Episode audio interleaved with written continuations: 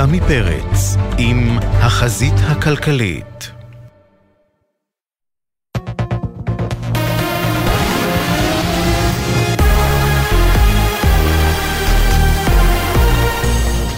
גלי צה"ל השעה 6, באולפן עדן לוי עם מה שקורה עכשיו.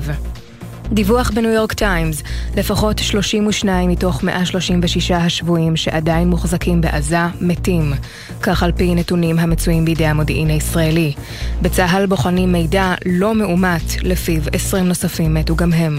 עם פרטי התחקיר, כתבת חדשות החוץ, שחר קנוטובסקי. ארבעה בכירי צבא ששוחחו עם הניו יורק טיימס אמרו שלפי מסקנות המודיעין הישראלי לפחות 32 חטופים שעדיין מוחזקים בשבי חמאס מתו מאז 7 באוקטובר ומשפחותיהם עודכנו על כך. בנוסף, הבכירים סיפרו שקציני מודיעין בוחנים מידע שלא אושר לפיו 20 חטופים נוספים אינם בין החיים. בצה"ל הגיבו לעיתון, הצבא פורס את כל המשאבים הזמינים כדי לאתר מידע רב ככל האפשר על החטופים המוחזקים כיום בידי חמאס.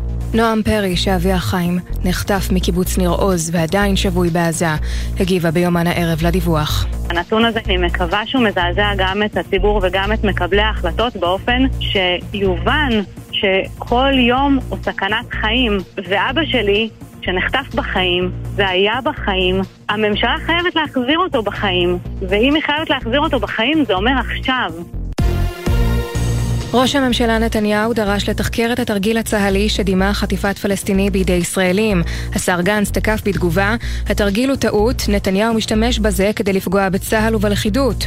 מדווח כתב התחום הפוליטי שחר גליק. נתניהו תקף את החלטת צה"ל לקיים תרגיל שבו המתנחלים נחשבים לאויב והתרחיש הוא של חטיפת פלסטיני בידי פעילי ימין. התרחיש הפיקטיבי הזה מנותק מהמציאות, לא ראוי ועושה עוול לציבור שלם, כתב ראש הממשלה. השר גנץ תקף ואמר, ההחלטה לבצע את התרגיל הייתה טעות, טוב שצה"ל התנצל, אבל ההחלטה של ראש הממשלה להשתמש באירוע כדי לפגוע בצה"ל ובלכידות ממניעים פוליטיים, מצריכה גם היא תחקיר והתנצלות. ראשי מועצות בנגב המערבי מתנגדים להחזרת תושביהם לעוטף נוכח המצב הביטחוני הקיים.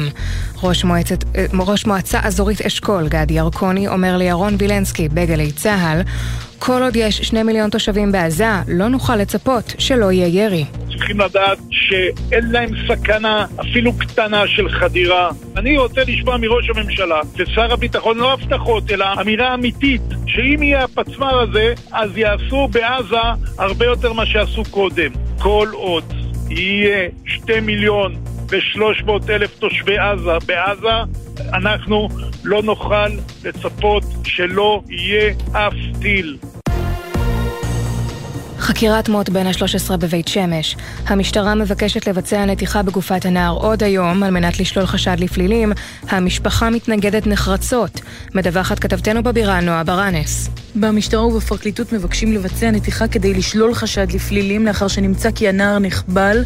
נציגי המשפחה החרדית שהגיעו לדיון ביקשו שלא לפגוע בכבוד המת וברגשות הדת, והסבירו שהנער ככל הנראה נחבל בראשו ונכווה מרדיאטור שהיה בביתו.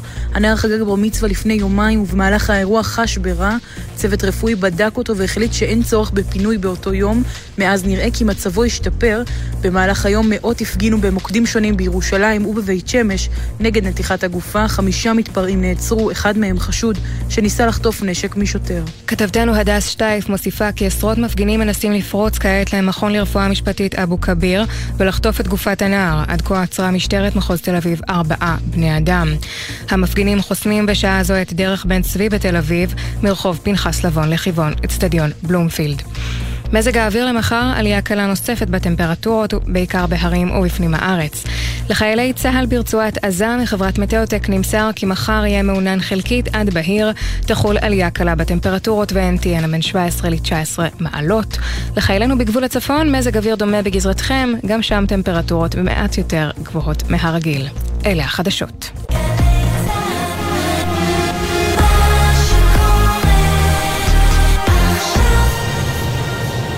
בחסות הפניקס סמארט, המעניקה עד 45% הנחה בפיתוח המקיף. כוכבית 5432, או חפשו הפניקס סמארט בגוגל. כפוף לתקנון, הפניקס חברה לביטוח. ישראל במלחמה, עכשיו בגלי צה"ל, סמי פרץ, עם החזית הכלכלית.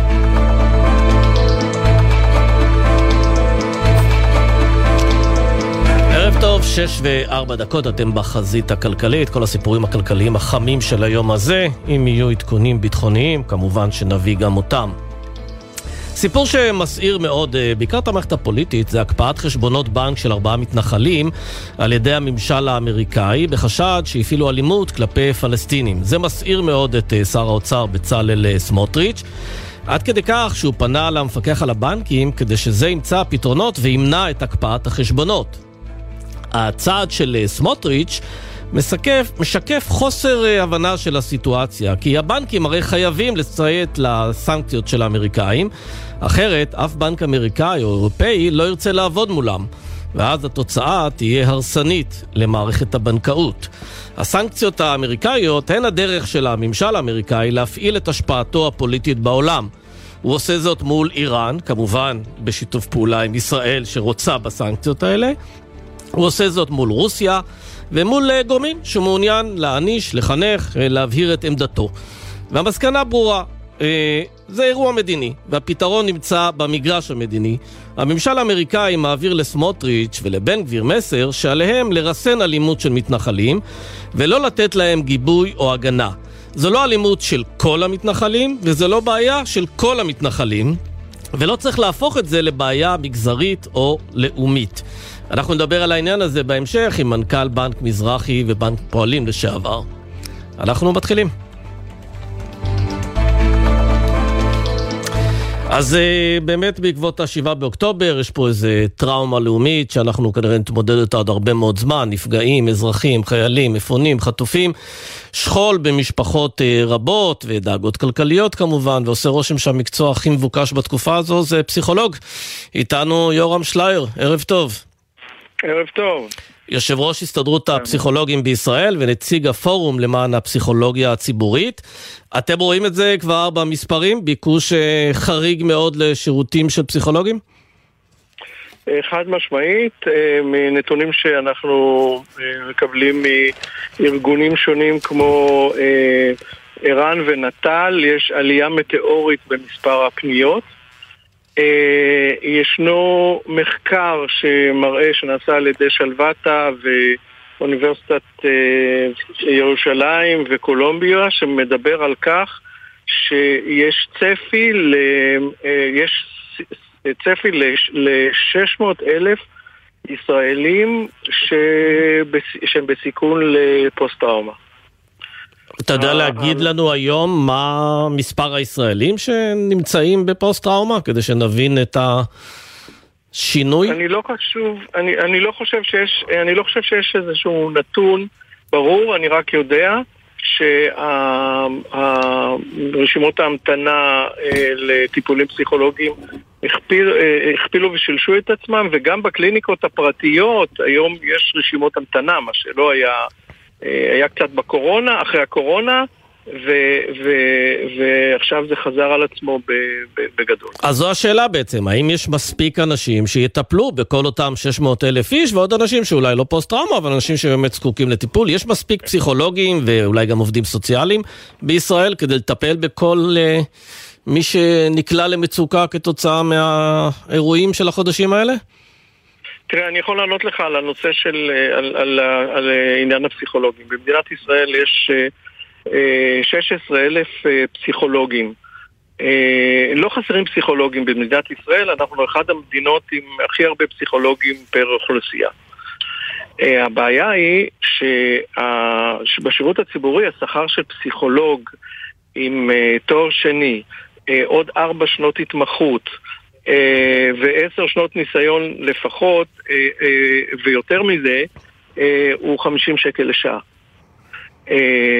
וכתוצאה מזה, בשירות הציבורי נמצאים היום לא יותר מחמשת אלפים פסיכולוגים, וכמעט כולם עובדים בחצי משרה. כי אתה לא יכול להתפרנס משכר כזה, ובעצם נוצר מצב שכאשר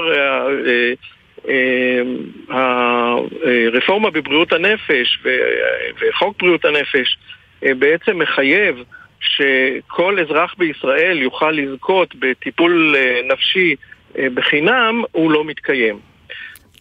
הרשימות היו כבר לפני המלחמה, לפני השביעי לעשירי היו, רשימות ההמתנה בשירות הציבורי היו אדירות.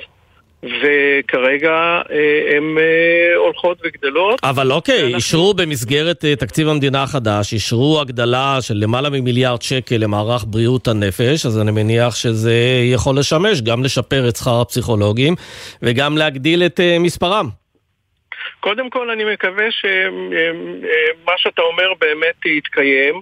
אנחנו עכשיו בדיוק נפתחו הסכמי השכר ואנחנו במשא ומתן אה, לשינוי רדיקלי ומשמעותי ולא, ולא קוסמטי בשכר הפסיכולוגים, כי אתה מתאר לעצמך שזה צריך לקפוץ הרבה יותר אה, מ-50, אה, הפער שצריך להשלים אותו מ-50 שקלים הוא, הוא גדול.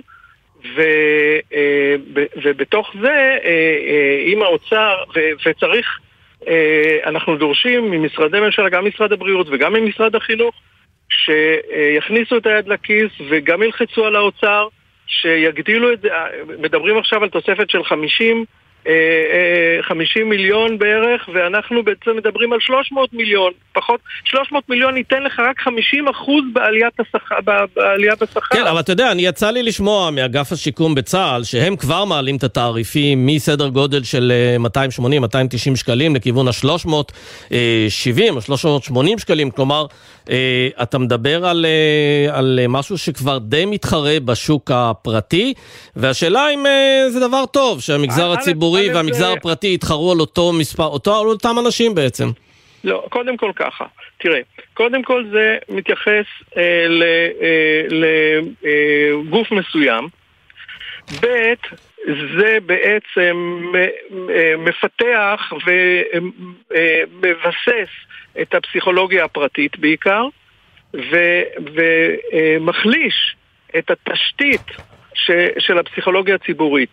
כי אתה יודע, עכשיו, עכשיו שיש פיק כזה, אה, אז אה, בעצם, אני אגיד לך יותר מזה, מה שיקרה עכשיו, שאנשים שעובדים בשירות הציבורי בשכר נמוך, יהיה להם עוד אינסנטיב לעבור לעבוד פרטי, כי אה, משרד הביטחון מעסיק אותם כן. פרטי. אני רוצה לסיום עוד שאלה אחת שהיא פחות כלכלית, אבל יותר אולי מקצועית.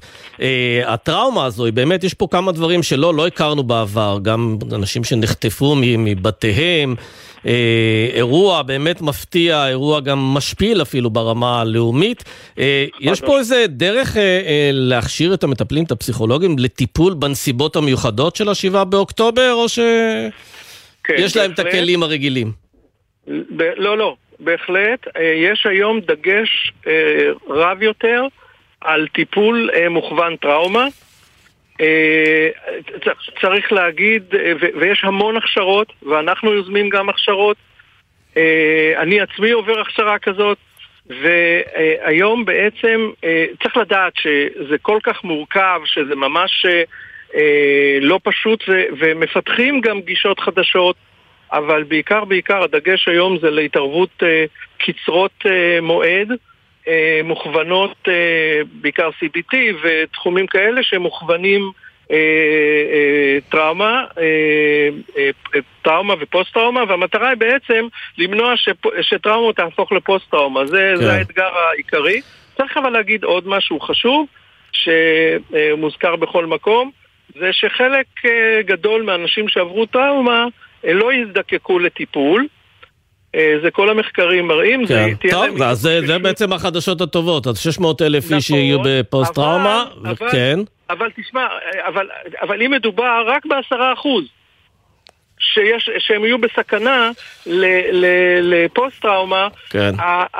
אז אתה, אם אנחנו מדברים על תוכנית אה, כלכלית, אז אני רק אגיד לך שאנחנו אה, ביצענו מחקר, איזו חברה עשתה לנו מחקר אה, אה, מחקר אה, מעל מחקרים רבים בעולם שמצביע באופן ברור שטיפול בבריאות הנפש, טיפול מניעתי בבריאות הנפש, כאשר התופעות הן בראשית ההתפתחות שלהן, חוסך למדינה 50, בין 50 ל-60 מיליארד שקל בשנה אם הוא לא יעשה את זה. כן, לא יפה. לא יורם שלייר, אז הנה, בשיחה איתך כבר חסכנו 50-60 מיליארד שקל, נקווה שזה מה שיהיה. יש, יושב ראש אה, הסתדרות הפסיכולוגים בישראל, תודה רבה לך. תודה רבה לך.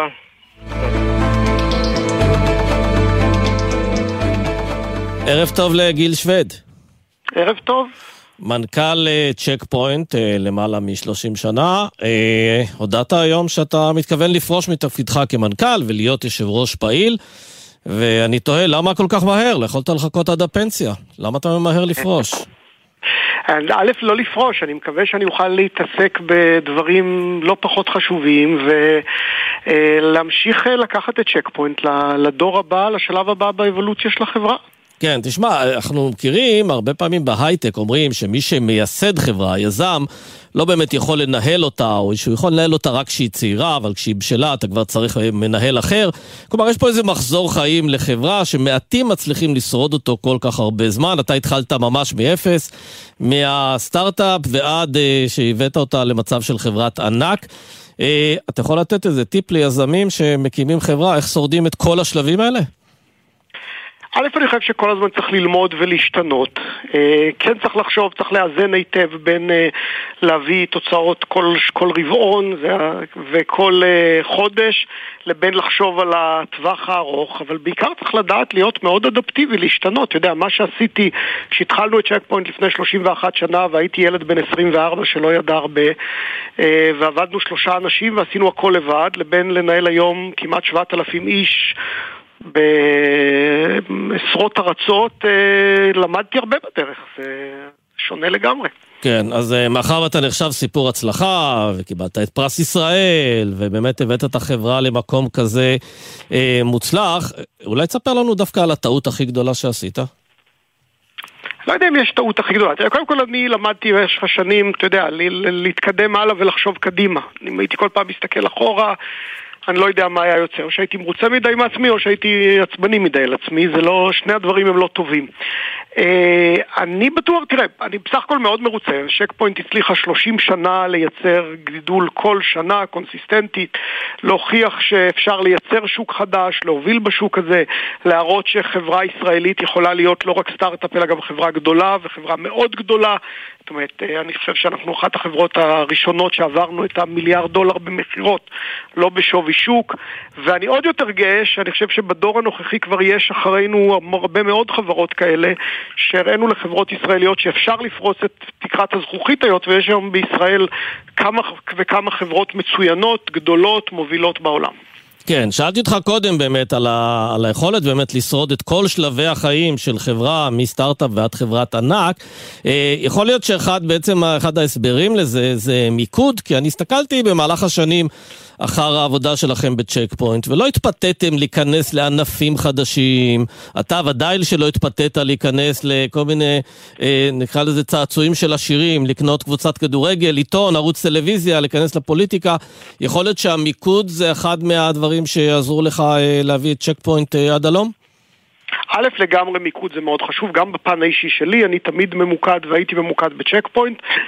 אה, לא, אני עושה מעט מאוד דברים מחוץ, אה, מחוץ לחברה, ואין לי שום, אין לי כאמור, אין לי השקעות, אין לי חברות אחרות, ובטח לא אה, קבוצות כדורגל. זה אחד, והדבר השני שאולי גם לא הזכרתי, וזה גם נכון בחברה, אנחנו יחסית ממוקדים למרות שהיום בנינו כבר פלטפורמת אבטחה מאוד רחבה, אז היום אנחנו כבר עושים הרבה דברים. אני חושב שעוד דבר שלא הזכרתי למהלך השנים הזה, וזה מאוד חשוב, זה כן להביא, לעבוד איתי, שיהיו לי שותפים מאוד מאוד טובים. יש לי לכל אורך הדרך שותפים מעולים. אה, שעוזרים לי לנהל את Check Point ועוזרים להפוך את Check Point למה שהיא. התחלתי את Check Point עם שני שותפים, מריוס ושלמה, אנשים הכי מדהימים שיש, והיום אני עם קבוצת הנהלה מעולה ונפלאה, ואני חושב שזה גם בעצם אומר לדור הבא, אני מחפש את השותף הבא שיעזור לנו לנהל את Check Point. אז זהו, זה העניין, אתה הודעת שבעצם אתה תישאר יושב ראש פעיל. אה, ואני תוהה, אה, האם זה אומר שהמנכ"ל הבא של Check Point, אה, אתה יודע, יהיה תחת הצל הגדול שלך? מנכ"ל יכול בכלל להתפתח כשיש יו"ר פעיל, שהוא גם היזם וגם האיש שהביא את החברה למצב הזה? אני חושב שכן, אני גם חושב שהמודל הזה של אה, יושב ראש פעיל ומנכ"ל הוא מאוד מקובל בטח בחברות אירופאיות ובטח בישראליות. אה, אבל אני חושב שאני גם למדתי לאורך השנים לעשות את זה. כשאני מדבר על ההתפתחות האישית שלי אז בהתחלה עשיתי הכל לבד, לאט לאט ניהלתי המון דברים כשאני מכיר אותם ובאמת בניתי אותם בעשר אצבעותיי והיום אני מנהל ארגון עם מנהלים בכל העולם, הלוואי שיכולתי להיות מעורב בדברים, עם מנהלים שאני יודע לעשות להם הרבה מאוד uh, העברת סמכויות. אה, אז אני חושב שאני יודע לעשות את זה. זה דבר שבעבר לא ידעת לעשות? לא נתת יותר מדי מרחב מחיה למנהלים סביבך? כי רצית לעשות הכל בעצמך? תמיד ידעתי לעשות מרחב מחיה, השאלה כמה מרחב מחיה וכמה מעורב הייתי. אז אני אומר, מכיוון שבאמת גדלתי מהשלב שבו אני תכנתתי ביחד עם שלמה ומריוס את המוצר הראשון, ומכרנו ללקוחות, באמת עשינו הכל שלושתנו בעצמנו, זה לא, מסתכל היום על סטארט-אפים כמעט ואין דברים כאלה, כי סטארט-אפים מתחילים עם המון מימון ועם המון אנשים, ישר בונים צוות גדול יחסית. אז uh, התחלנו מזה, גדלנו באיך לילו איך בונים צוות, גדלנו באיך מביאים אנשים מאוד טובים, ולכל אורך הדרך, מהשנה השנייה אני חושב, הבאנו אנשים מעולים בקליבר מאוד טוב, חלק מהם צעירים שגדלו איתנו, חלק מהם ותיקים שלימדו אותנו, ועבדנו ביחד. כן, ואתה מתכוון בתור uh, יושב ראש uh, פעיל לקחת את צ'ק פוינט לשלב הבא בחייה. אה, אני מניח שזה מאוד קשור לעולמות הסייבר. איפה אתה רואה את צ'ק פוינט בשנים הקרובות?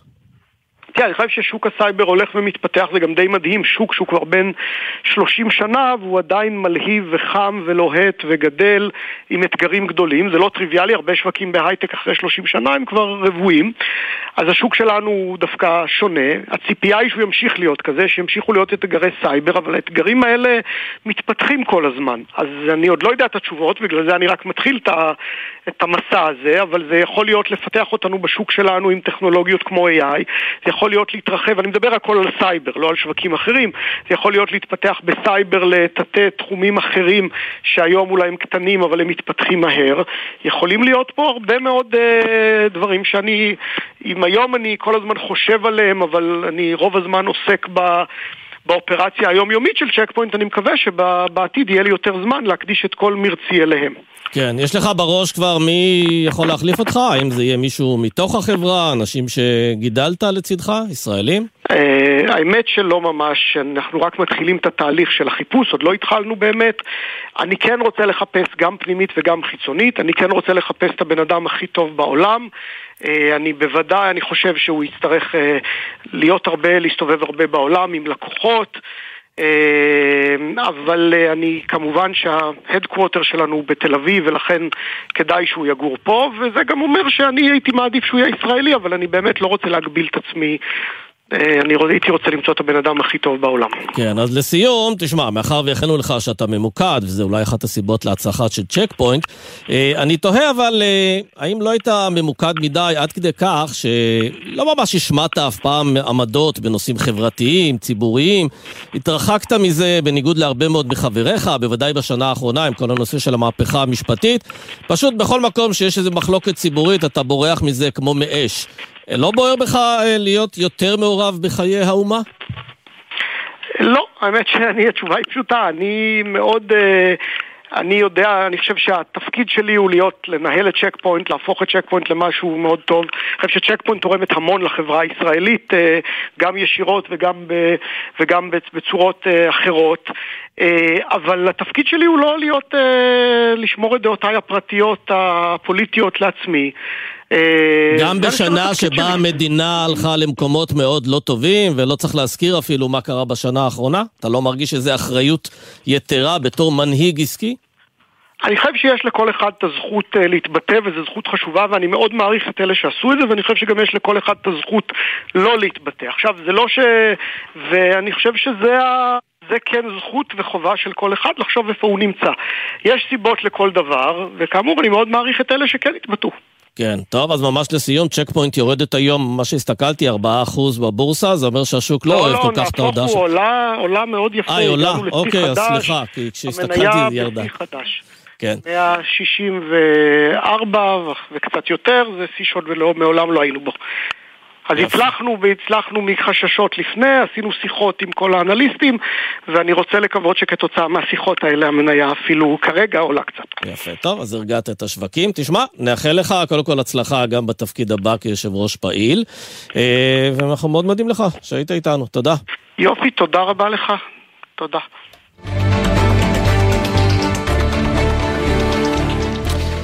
גל העלות המחירים לא עוצר, אחרי יוניליבר ושטראוס ואוסם ווילי פוד, אז גם זוגלובק אה, מעלה מחירים. אה, איתנו עינב קרנר, כתבנו, כתבתנו לענייני צרכנות. את עינב בדקת אילו רשתות כבר העלו את המחירים בהמשך ליצרנים. נכון מאוד, סמי. אז קודם כל בוא נתחיל עם הפתיח שלך. זוגלובק אכן מודיעה אמש לקמעונאים שהיא תעלה את המחירים של כל מוצרי המאה 1 במרס בשיעור של עשרה אחוזים. אנחנו מדברים על פסטרמה, נקניקיות, הקבב, המבורגר, השניצלים וגם מוצרים מן הצמח וכמובן הבצקים אה, של זוגלובק.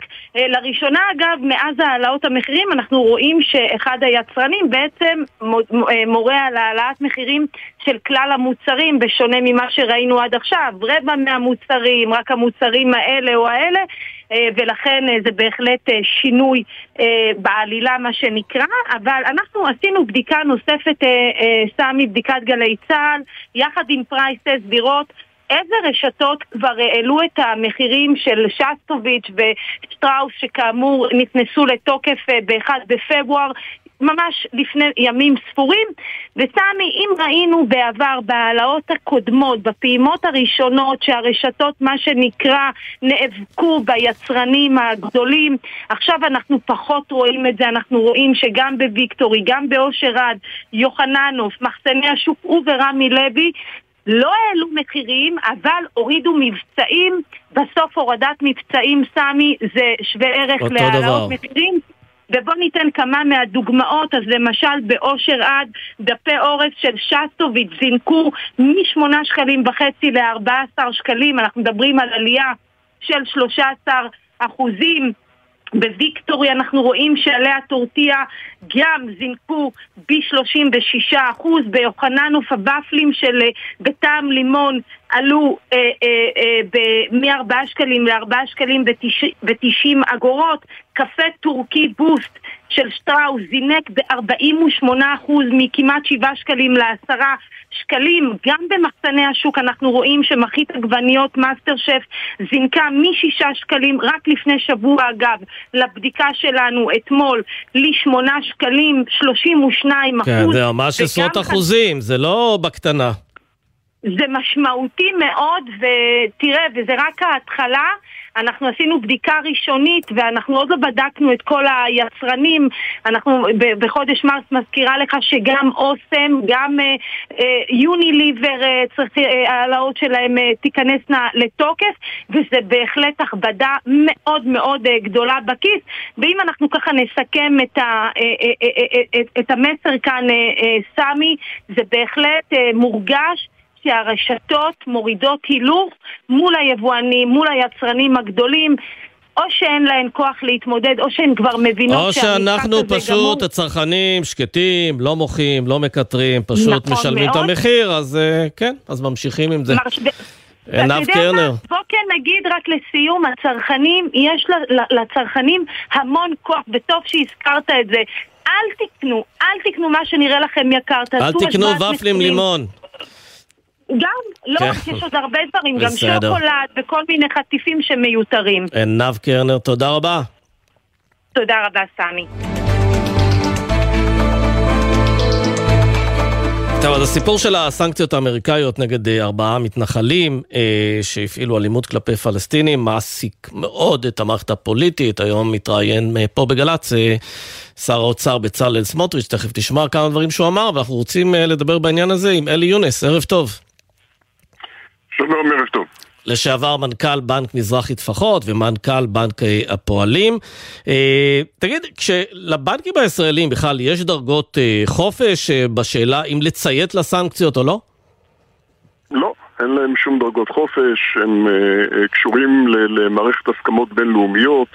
הרשימה של היחידים או הגופים שעליהם מוטלת, מוטלות סנקציות נכנסות כמעט באופן אוטומטי למערכות המחשב שלהם.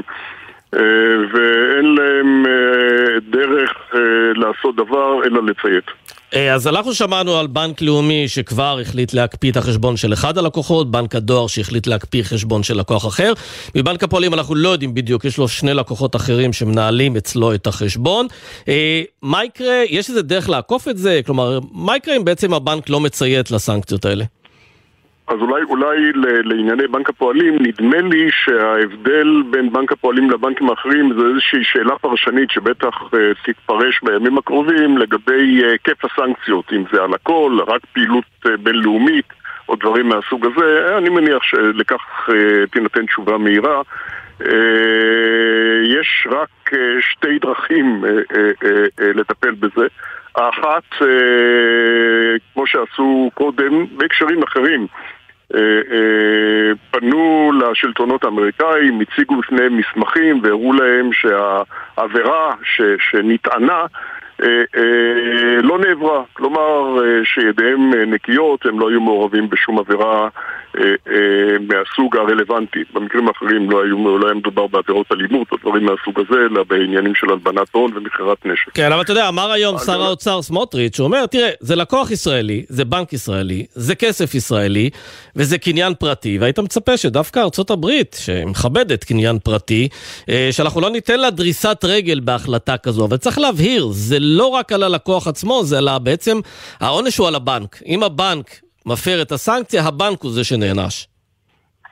יש בזה, יש בזה מידה לא קטנה של היתממות. Uh, הסנקציות האלה uh, הן כנגד uh, סוגי עבירות שהוגדרו במסגרת אמנות בינלאומיות ואנחנו חתומים על האמנות האלה.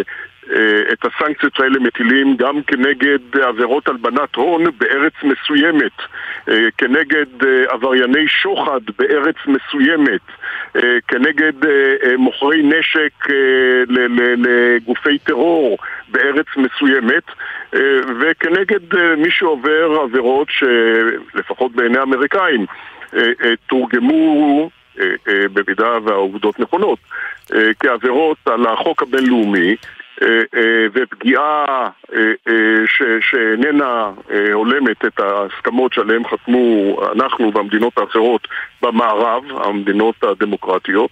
ולכן מוטלות סנקציות. כן, אז שר האוצר מנסה איכשהו אה, למצוא פה פתרונות, הוא פנה למפקח על הבנקים. אני רוצה שתשמע כמה דברים שהוא אמר הבוקר פה בתוכנית אה, של אה, ספי ויניר. ואני שוחחתי עם המפקח על הבנקים. כן. לא, לא, לא הוריתי לו, לא פקדתי עליו, שוחחתי אוקיי. איתו כפי שאני משוחח איתו הרבה מאוד פעמים. מהמם. ביקשתי ממנו להיכנס לעובי קרה, ללמוד את הסוגיה. שוחחתי בעניין הזה עם ראש הממשלה, ואנחנו מנהלים אותו גם בציר המדיני, כדי לנסות לפתור אותו שם. אם לא נפתור אותו שם, צריך לפתור אותו פה.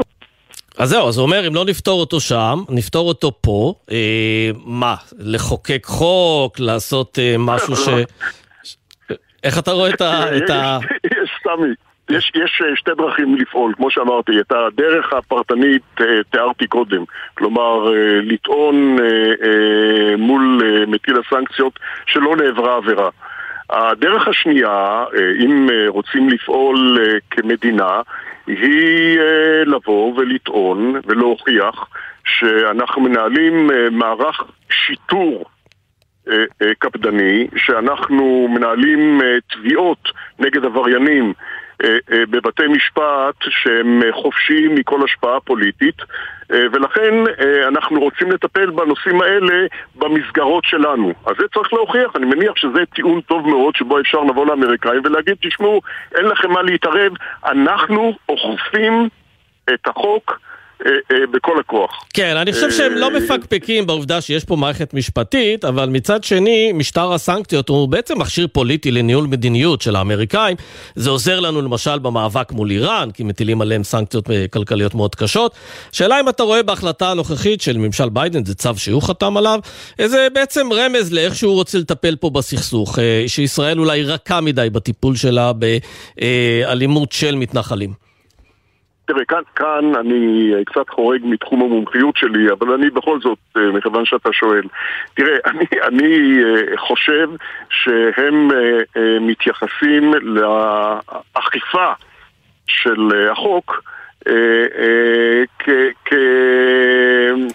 אני יודע, משהו לא מספק.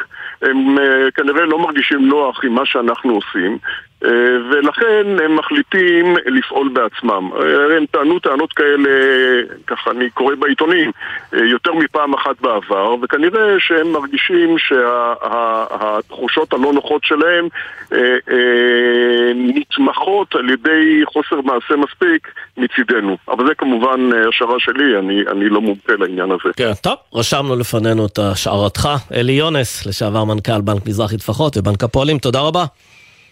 שלום, שלום. נצא להפסקה קצרה ונחזור מיד גם עם ענייני אה, תקציב המדינה והחשש שהוא באמת יביא למיתון וגם מה יקרה אם יפקיעו לכם קרקע לטובת הקמת מטרו וגם הרווחים של מקדונלדס צונחים וזה קשור למלחמה בעזה. כבר חוזרים. אתם מאזינים לגלי צה"ל. שלום, תרצה להזמין? כן, זו עדיין השעה של העסקיות? כן, עד חמש. והמוקפץ, אפשר uh, בלי גלוטן? ברור. ואיפה כאן המרחב המוגן? בתקופה הקרובה, בכל מקום שאליו מגיעים, שואלים, איפה כאן המרחב המוגן? כי כולנו צריכים לחיות לצד ההנחיות. זכרו, הנחיות פיקוד העורף מצילות חיים. בעת הזאת כולנו זקוקים לרוח.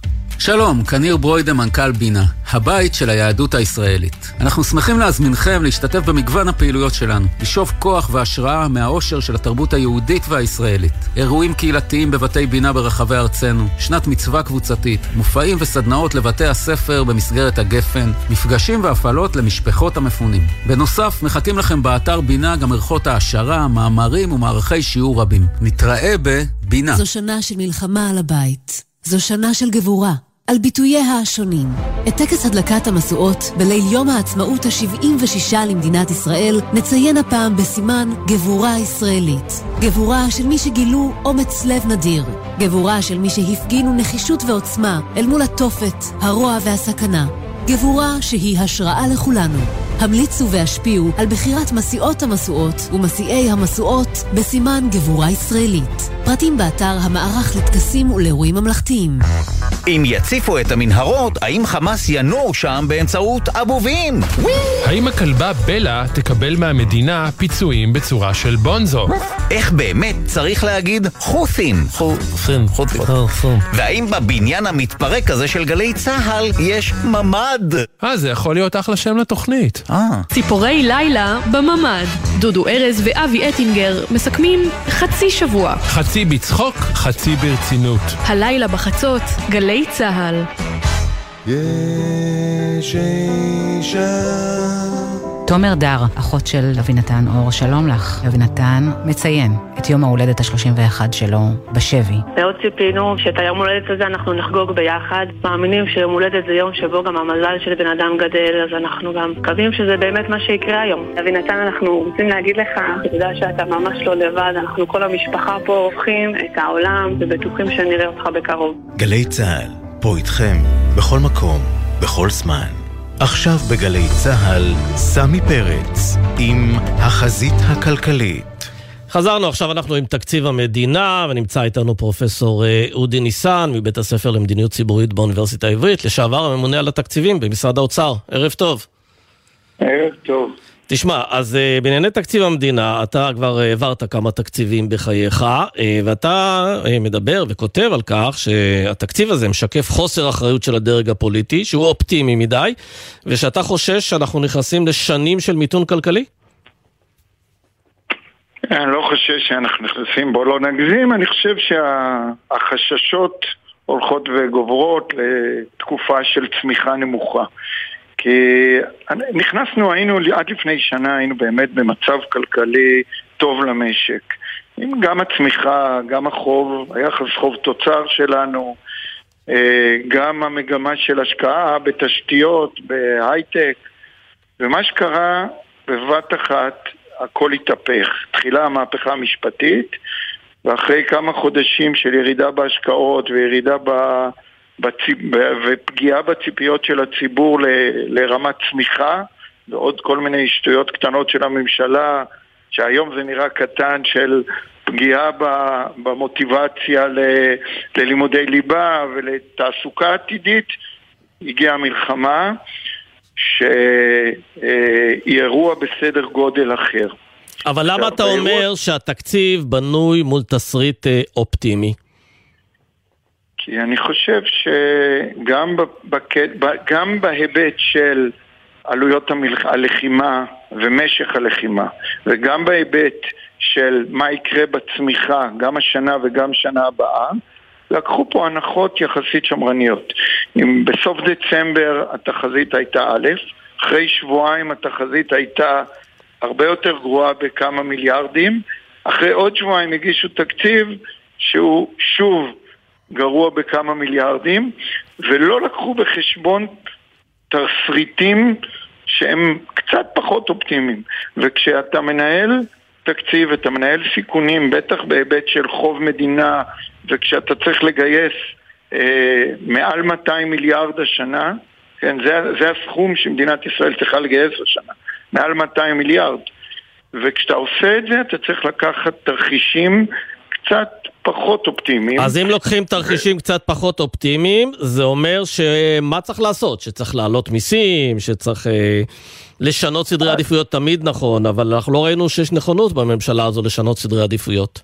אבל זה בדיוק הבעיה, שגם לא מוכנים לשנות סדרי עדיפויות בדברים שהם הכרחיים, וממשיכים עם שורה של דברים שברור לכולם שהם מיותרים, וגם לא, את הדברים המינימליים בתחום המיסים, כן, שהם ברורים שצריך בלי קשר, אבל הם הזדמנות גם לעשות אותם, כמו השתייה הממותקת ודברים אחרים, ביטול עם פטורים למיניהם, גם את הצעדים האלה לא עושים. כן, אבל מתי יגיע הרגע שבו בממשלה הזו ייפול האסימון, שבאמת התוואי הוא היה באמת אופטימי מדי ונדרשות התאמות? אני חושב שמיום ליום התוואי הזה הולך ומתברר, כי מה שקורה... אנחנו כבר מבינים שבשנת 25 ו-26 יש לנו הוצאות ביטחון והוצאות ריבית גבוהות יותר, ואנחנו בגירעונות גבוהים יותר, והדבר הזה, כאשר החוב שלנו כבר גדל, הולך ומופנם, ובמקום לעשות היום תחילת צעדים ולעשות אותם בהדרגה, דוחים את הצעדים. כן, אבל יש פה בעיה של היתכנות פוליטית. אתה בעצם אומר שכל עוד... אה... הסיטואציה הפוליטית היא כזו, אה, לא ניתן לקבל את ההחלטות האלה. זה אומר שמה, רק ממשלה אחרת זה... תדע לקבל את ההחלטות בצורה אמיצה יותר? אבל זה בדיוק הביצה והתרנגולת, כי כל הזמן אומרים אי אפשר לעשות כי זה המצב הפוליטי. אבל אנחנו מבינים שאי אפשר לחיות ככה, הדחייה הזאת תעלה לאזרחים רק יותר יקר. עכשיו זה לא רק בהיבט הכלכלי, יש פה גם היבט מדיני בעייתי, אבל גם בתקופות בעייתיות מבחינה פוליטית, ידעו לעשות צעדים הכרחיים בתחום הכלכלי. כן. ולצערי האסימון הזה עוד לא ירד, כן? אז לא משנה אם האינדיקציה זה, אני לא רוצה להגיע לשם, אבל כן. האינדיקציה של אי קיצוץ בתקציב הישיבות... ברור, אנחנו נראה את זה, לא רק במש... לסיום, אה, אודי ניסן, אנחנו נראה את זה בקרוב בהערכות של חברות דירוג האשראי, בהורדת דירוג האשראי של ישראל? אם לוקחים את התשואה על האגרת חוב הדולרית של ישראל, אתה רואה שהדירוג כבר ירד. אז ברור שהדירוג בסבירות מאוד גבוהה עכשיו, הדירוג ירד, כי הוא כבר, הוא, השוק כבר הפנים שהדירוג ירד. הבעיה היא לא זאת, הבעיה היא הירידה הבאה בדירוג אם לא נעשה צעדים היום. כן. זה הבעיה. אוקיי, ו- אז ו- נדרשים ו- צעדים היום, אתה אומר, לא בעוד uh, חודש או חודשיים. פרופסור אודי ניסן. כל דחייה יכולה לעלות הרבה יותר. כן. פרופסור אודי ניסן, תודה רבה. תודה רבה. חמה, עכשיו בגלי צה"ל. טוב, פרויקט המטרו, אותם שלושה קווים שאמורים לקום בגוש דן, אה, יוצא לדרך, ואחד הדברים שצריך לעשות זה להפקיע קרקעות, כדי שיהיה אפשר לסלול את קווי המטרו. איתנו בעניין הזה עורכת הדין ענבל אה, קדקה, סגנית מנהל חטיבת מקרקעין בנטע. שלום. ערב טוב, סמי. אה, את יודעת, לבן אדם יש קרקע, פתאום באים ומה? אומרים לו, זוז מפה, ואז איך זה, איך זה מתנהל כל העניין הזה? אוקיי, okay. אז קודם כל זה לא פתאום באים, אנחנו מגיעים עם uh, צו הפקעה uh, שנחתם על ידי uh, שרת התחבורה, אחרי שיש תוכנית סטטוטורית שמאושרת גם כן על ידי ועדה לתשתיות לאומיות, ממשלת ישראל, בהליכים לא כל כך קצרים, לפעמים מספר שנים עד שהתוכניות מאושרות, וצו ההפקעה הוא למעשה תואם את אותה תוכנית. אחרי שצו ההפקעה מתפרסם, והצווים שלנו התחילו להתפרסם בסוף חודש אוגוסט האחרון, אה, אנחנו למעשה מתחילים לשלוח הודעות אישיות לאותם אנשים שרשומים... אה, אז נניח שיש לי חנות שיושבת בדיוק, בדיוק על הקו, אתם רוצים את השטח הזה, אתם צריכים להציע לי אה, פיצוי. מי קובע את שווי הקרקע, מה הפיצוי, והאם כדאי לי לסכם איתכם מהר, או שדווקא כדאי לי לעכב את זה, כי אולי אז המחיר יעלה, הפיצוי יעלה? בהחלט, אז אני אענה לך על כך. אה, אנחנו חברה ממשלתית כמובן, אנחנו פועלים לפי הדין ולפי הנהלים והקריטריונים של אה, השמאי הממשלתי. לכן אנחנו משלמים פיצויים לפי הזכויות שיש לאותו בן אדם במועד הרלוונטי, בין אם זה מועד אישור התוכנית ובין אם זה מועד של אה, פרסום מצב. אנחנו עורכים שומה, שנערכת על ידי שמאי מומחה עם ניסיון של עשרות שנים, מבצעים עליה גם כמובן בקרה. ואנחנו מציעים לו את אותו סכום. אני אגיד לך יותר מזה, יש משהו שאנחנו מבצעים, אנחנו מציעים תוספת של 25% מאותו שווי בסיסי של הקרקע ועד מיליון שקלים. למי שמסכים לאותה שומה שלנו ומוכן לתת את הקרקע בזמן ולוותר על תביעות. כלומר, מי שלא מתנגד יקבל 25% יותר ממי שכן התנגד, אבל את יודעת, יש מקרים בהיסטוריה שאנשים שהתנגדו ודגרו על הקרקע, ובסוף כדי באמת להיפטר מהם נתנו להם יותר מ-25%. אצלנו זה לא המקרה. אני יכולה לספר על באמת משרד, מספר חד ספרתי של עתירות או תביעות שהיו לנו בנושא תפיסת החזקה וגם השגות על תביעות הפיצויים שלנו. מכיוון שבאמת אנחנו מנחים את השמאים שלנו לערוך שומות הוגנות שומות שתואמות את ערך הקרקע. הרעיון של המדינה הוא לא לפגוע באזרחים חס וחלילה אלא הוא באמת לתת את התמורה ההולמת. ודווקא בנושא של המטרו יש לנו פתרונות חדשניים. אנחנו במקרים מסוימים אנחנו אפילו לא נשלם פיצויים בכסף אלא אנחנו הולכים לתת זכויות בנייה מה שאנחנו הולכים לבצע זה מעין סוג של התחדשות עירונית או פינוי-בינוי. המדינה מתכננת נכון לעת 22 מתחמים על התוואי של 150 קילומטר של המטרו, 22 מתחמים שבהם נעשה תוכניות איחוד וחלוקה. ובמקום לקבל פיצויים, שווי פיצויים לפי הנכס הקיים היום, שהוא מן נכס יותר ישן, אנחנו נציע לו אותן זכויות לפי תוכנית חדשה. וזה זכויות משודרגות, בין אם זה דירה חדשה או נכס מסחרי חדש. אני חושבת שבהחלט יש לכאן פתרון הולם וחדשני. אז כדאי לי שאתם תבואו ותנסו להפקיע לי משהו? אני, אני מאמינה שכן, כי זה אומר שגם ליד הבית שלך או ליד העסק שלך תהיה תחנת רכבת שאין ספק שהולכת להשביח את כולנו. כן, יפה. עורכת הדין ענבל קנקה, תודה רבה. תודה, בשורות טובות. איתנו שירה שפי, כתבתנו לענייני רווחה, ערב טוב. ערב טוב, סמי. דוח נציבות שוויון הזדמנויות בעבודה חושף שבעצם רוב הפונות לנציבות הן נשים.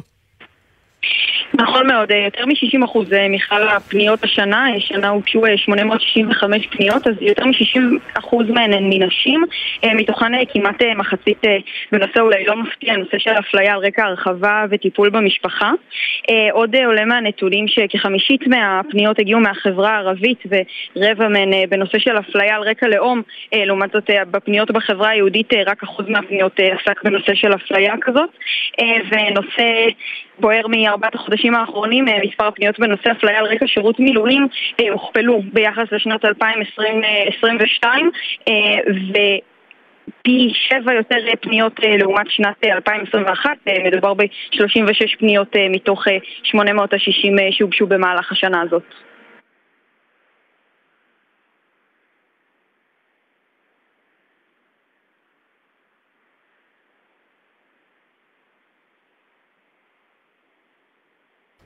שירה? שירה, לא, לא הייתי. סמי? כן, שירה, את איתי? כן. כן, לא, אז שאלתי רק לגבי קבוצות אחרות, הרבה פעמים הפניות של ערבים, גם כן לנציבות, הם בשיעורים גבוהים יותר מחלקם באוכלוסייה. נכון, רבע מהפניות השנה נרשמו מהחברה הערבית, מדובר. על... כן, רבע מהפניות מהחברה הערבית ורובן היו בנושא של אפליה על רקע לאום לעומת החברה היהודית ששם הנושא הזה נרשם רק באחוז מהפניות. כן. אוקיי, שירה שפי. אנחנו נתקדם, תודה בשלב הזה. שירה? לא, בסדר. טוב, איתי ברק בטש, אהלן. תשמע, שלום סמי. אז uh, ראינו שבמהלך uh, המלחמה מקדונלדס uh, מעניקה הנחות של 50% לחיילים במדים, אבל אנחנו רואים שעל רקע התמיכה הפומבית הזו בישראל, החברה העולמית ניזוקה. כן, תשמע, קודם כל היוזמה של ה-50% בסניפים, אני חושב שהרבה מאיתנו אה, השתמשו בה וניצלו אותה ככה במהלך המלחמה. אה, אבל אה, בהחלט יש מדינות, בעיקר מדינות מוסלמיות, שלא רואות את היוזמה הזו בעין יפה. אז בעצם המכירות העולמיות של מקדונלדס, הצמיחה בעצם קצת האטה, לפי התחזיות לפחות. אנחנו מדברים על צמיחה של 3% ו-4 עשיריות האחוז, לעומת צמיחה צפויה של 4% ו-7 עשיריות האחוז.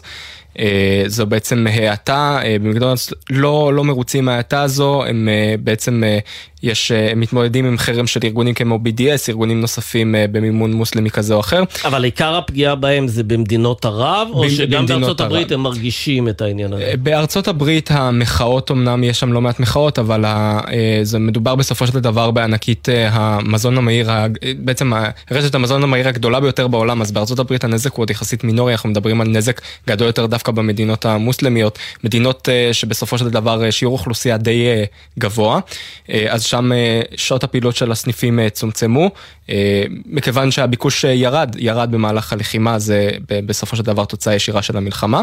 ולא רק מקדונלדס, גם סטארבקס מצטרפת לרשימה הזו, אין אומנם סניפים של סטארבקס בארץ, אבל מי שהיה בארצות הברית, באירופה, מדינות נוספות, מכיר את הרשת, רשת של משקאות, קפה ובעצם גם מאפים נוספים.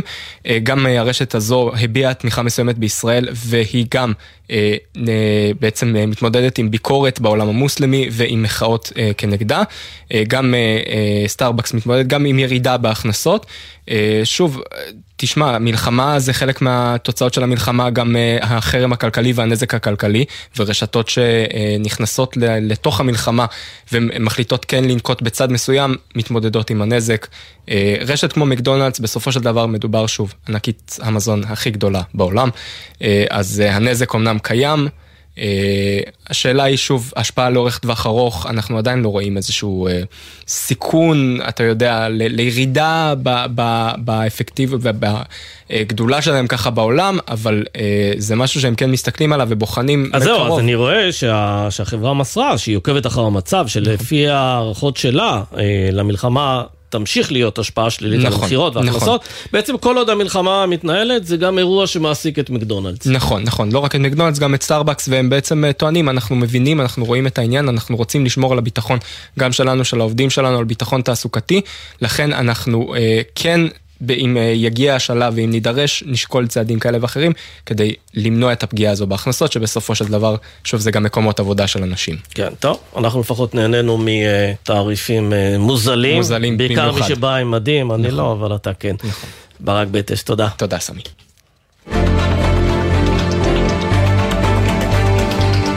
הגיע הזמן לפינתנו האהובה, לפרגן לעסקים של uh, הדרום, הצפון, של מילואימניקים, ואיתנו אשר uh, צימבל, ערב טוב.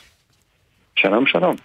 אתה איש מילואים, תכף אנחנו נשמע איפה, וגם בעלים של מבשלת Oak and Ash, שזה מבשלת בירה שנמצאת בבית שמש? נכון, לא רק בירה, גם עושים סיידר ולימונדה וקוקטיילים מבוקבקים. כן. אה, עושים הכל. אז אה, קודם כל תספר לי, אה, ב-7 באוקטובר אתה אה, איש מילואים, הוקפצת וכמה זמן אתה במילואים מאז? אני במילואים מה-12 לאוקטובר, והיום זה היום האחרון שלי, כולל הימי חופשה. יצאתי הביתה ביום שני שעבר. ומה קרה במבשלת הבירה בתקופה הזו שאתה היית במילואים? מי תפעל אותה? אז למזלי יש לי שותף, אה, והוא היה שם. אני והעובד השני שהיה באותו זמן אה, התגייסנו, אז אה, הוא היה לבד. העובדת השנייה שלנו הייתה בחופשת לידה. וזה לא פשוט. בעסק של בירה יש הרבה תהליכים שדורשים שתי אנשים לפחות. העובד שלי, כאילו השותף שלי עבד שעות אה, מאוד ארוכות.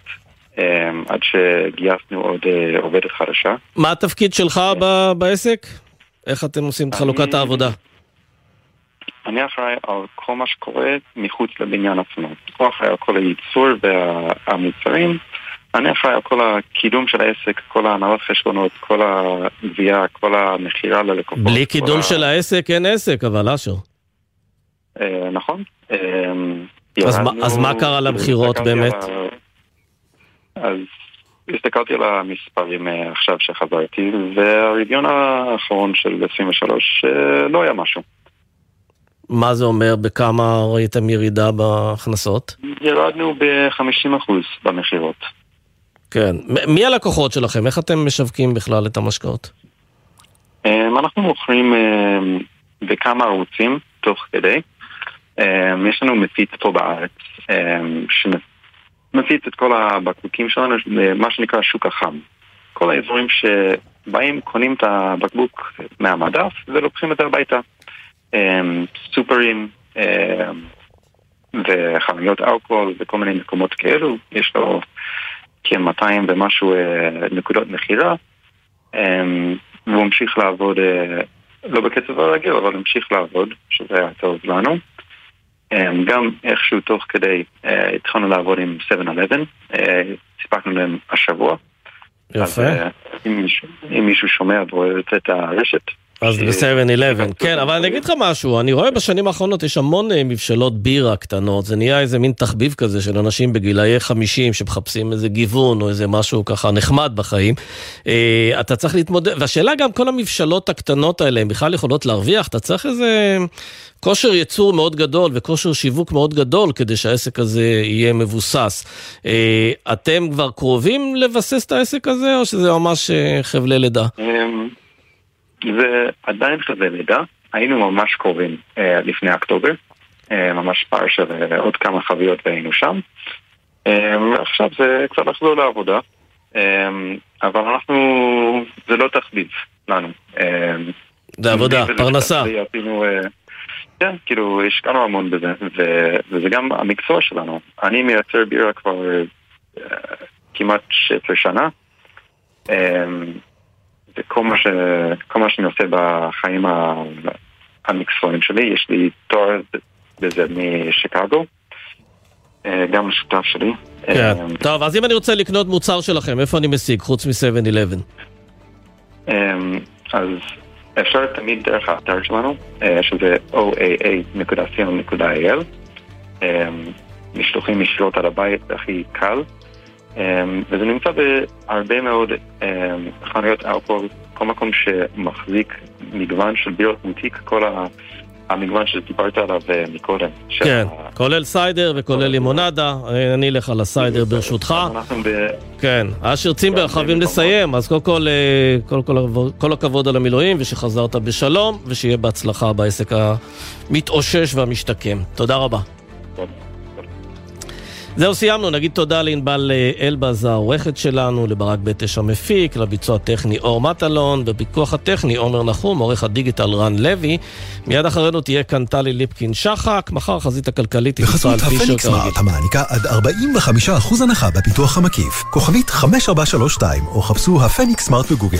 כפוף לתקנון, הפניקס חברה לביטוח. בחסות מאיר, המזמינה על ימי מכירות של מותגי הרכב השוודיים. פולסטאר, לינקן קור ווולבו, 4 עד 9 בפברואר. גם וולבו EX30 החשמלית תהיה שם, פרטים באתר. אתם מאזינים לגלי צה"ל.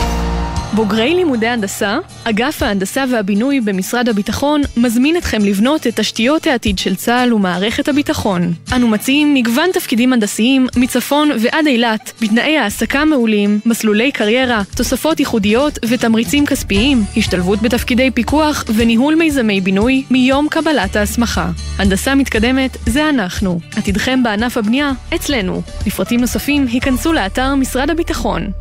משרתות המילואים ומשרתי המילואים היקרים, כשאתם מגויסים לחזית, אנחנו בהסתדרות מגויסים למענכם. חייגו גם אם אינכם חברי הסתדרות, למוקד ההסתדרות מגויסים למענכם, למשרתי המילואים ולבני משפחותיהם, וקבלו מעטפת תמיכה וסיוע במגוון תחומים. חייגו כוכבית 2383, ההסתדרות, הבית של משרתי המילואים ומשרתות המילואים בישראל. נקלעתם למצב חירום שאינו מאפשר את המשך הנסיעה באופן בטוח? נהגים במצב כזה פועלים בהתאם לכללים. מדליקים את אור החירום המהבהב ועוצרים צמוד ככל האפשר לשול הימני. לובשים אפוד זוהר ויוצאים בזהירות מהרכב, מציבים את משולש האזהרה, עוברים אל מעבר לגדר ההפרדה ומתקשרים למוקד החירום לסיוע. זכרו, עצירה בשולי הכביש מסוכנת מאוד לכלל משתמשי הדרך, ואין לעצור בשוליים, אלא במצב חירום שאינו מאפשר המשך נסיעה. למידע נוסף חפשו אסק רלב"ד. גלי צה"ל ומערכות מציגים. האנשים האלה הם גיבורים בצורה שאי אפשר להבין בכלל. המבצעים הגדולים של הכוחות המיוחדים. הוא זורק, אני זורק, הוא מתכופף, והוא צועק, אני צועק. ואני יודע שעוד רגע אני צריך לצאת ולקפוץ על הבן אדם, להרוג אותו בסכין. הפקודה הייתה מה שעוברים, הורגים. נקודה. הסכת השופך אור חדש על הפעולות שבנו את האתוס של צה"ל ומחבר את העבר אל ההווה. אנחנו נלחמים ומגיעים עד קצה העולם בכדי להציל את האזרחים שלנו, זה תמצית הציונות. המבצעים הגדולים של הכוחות המיוחדים. מוצאי שבת בתשע, ובכל זמן שתרצו, באתר וביישומון גל"צ גלגלצ, ובכל מקום שאתם מאזינים להסכתים שלכם. מיד אחרי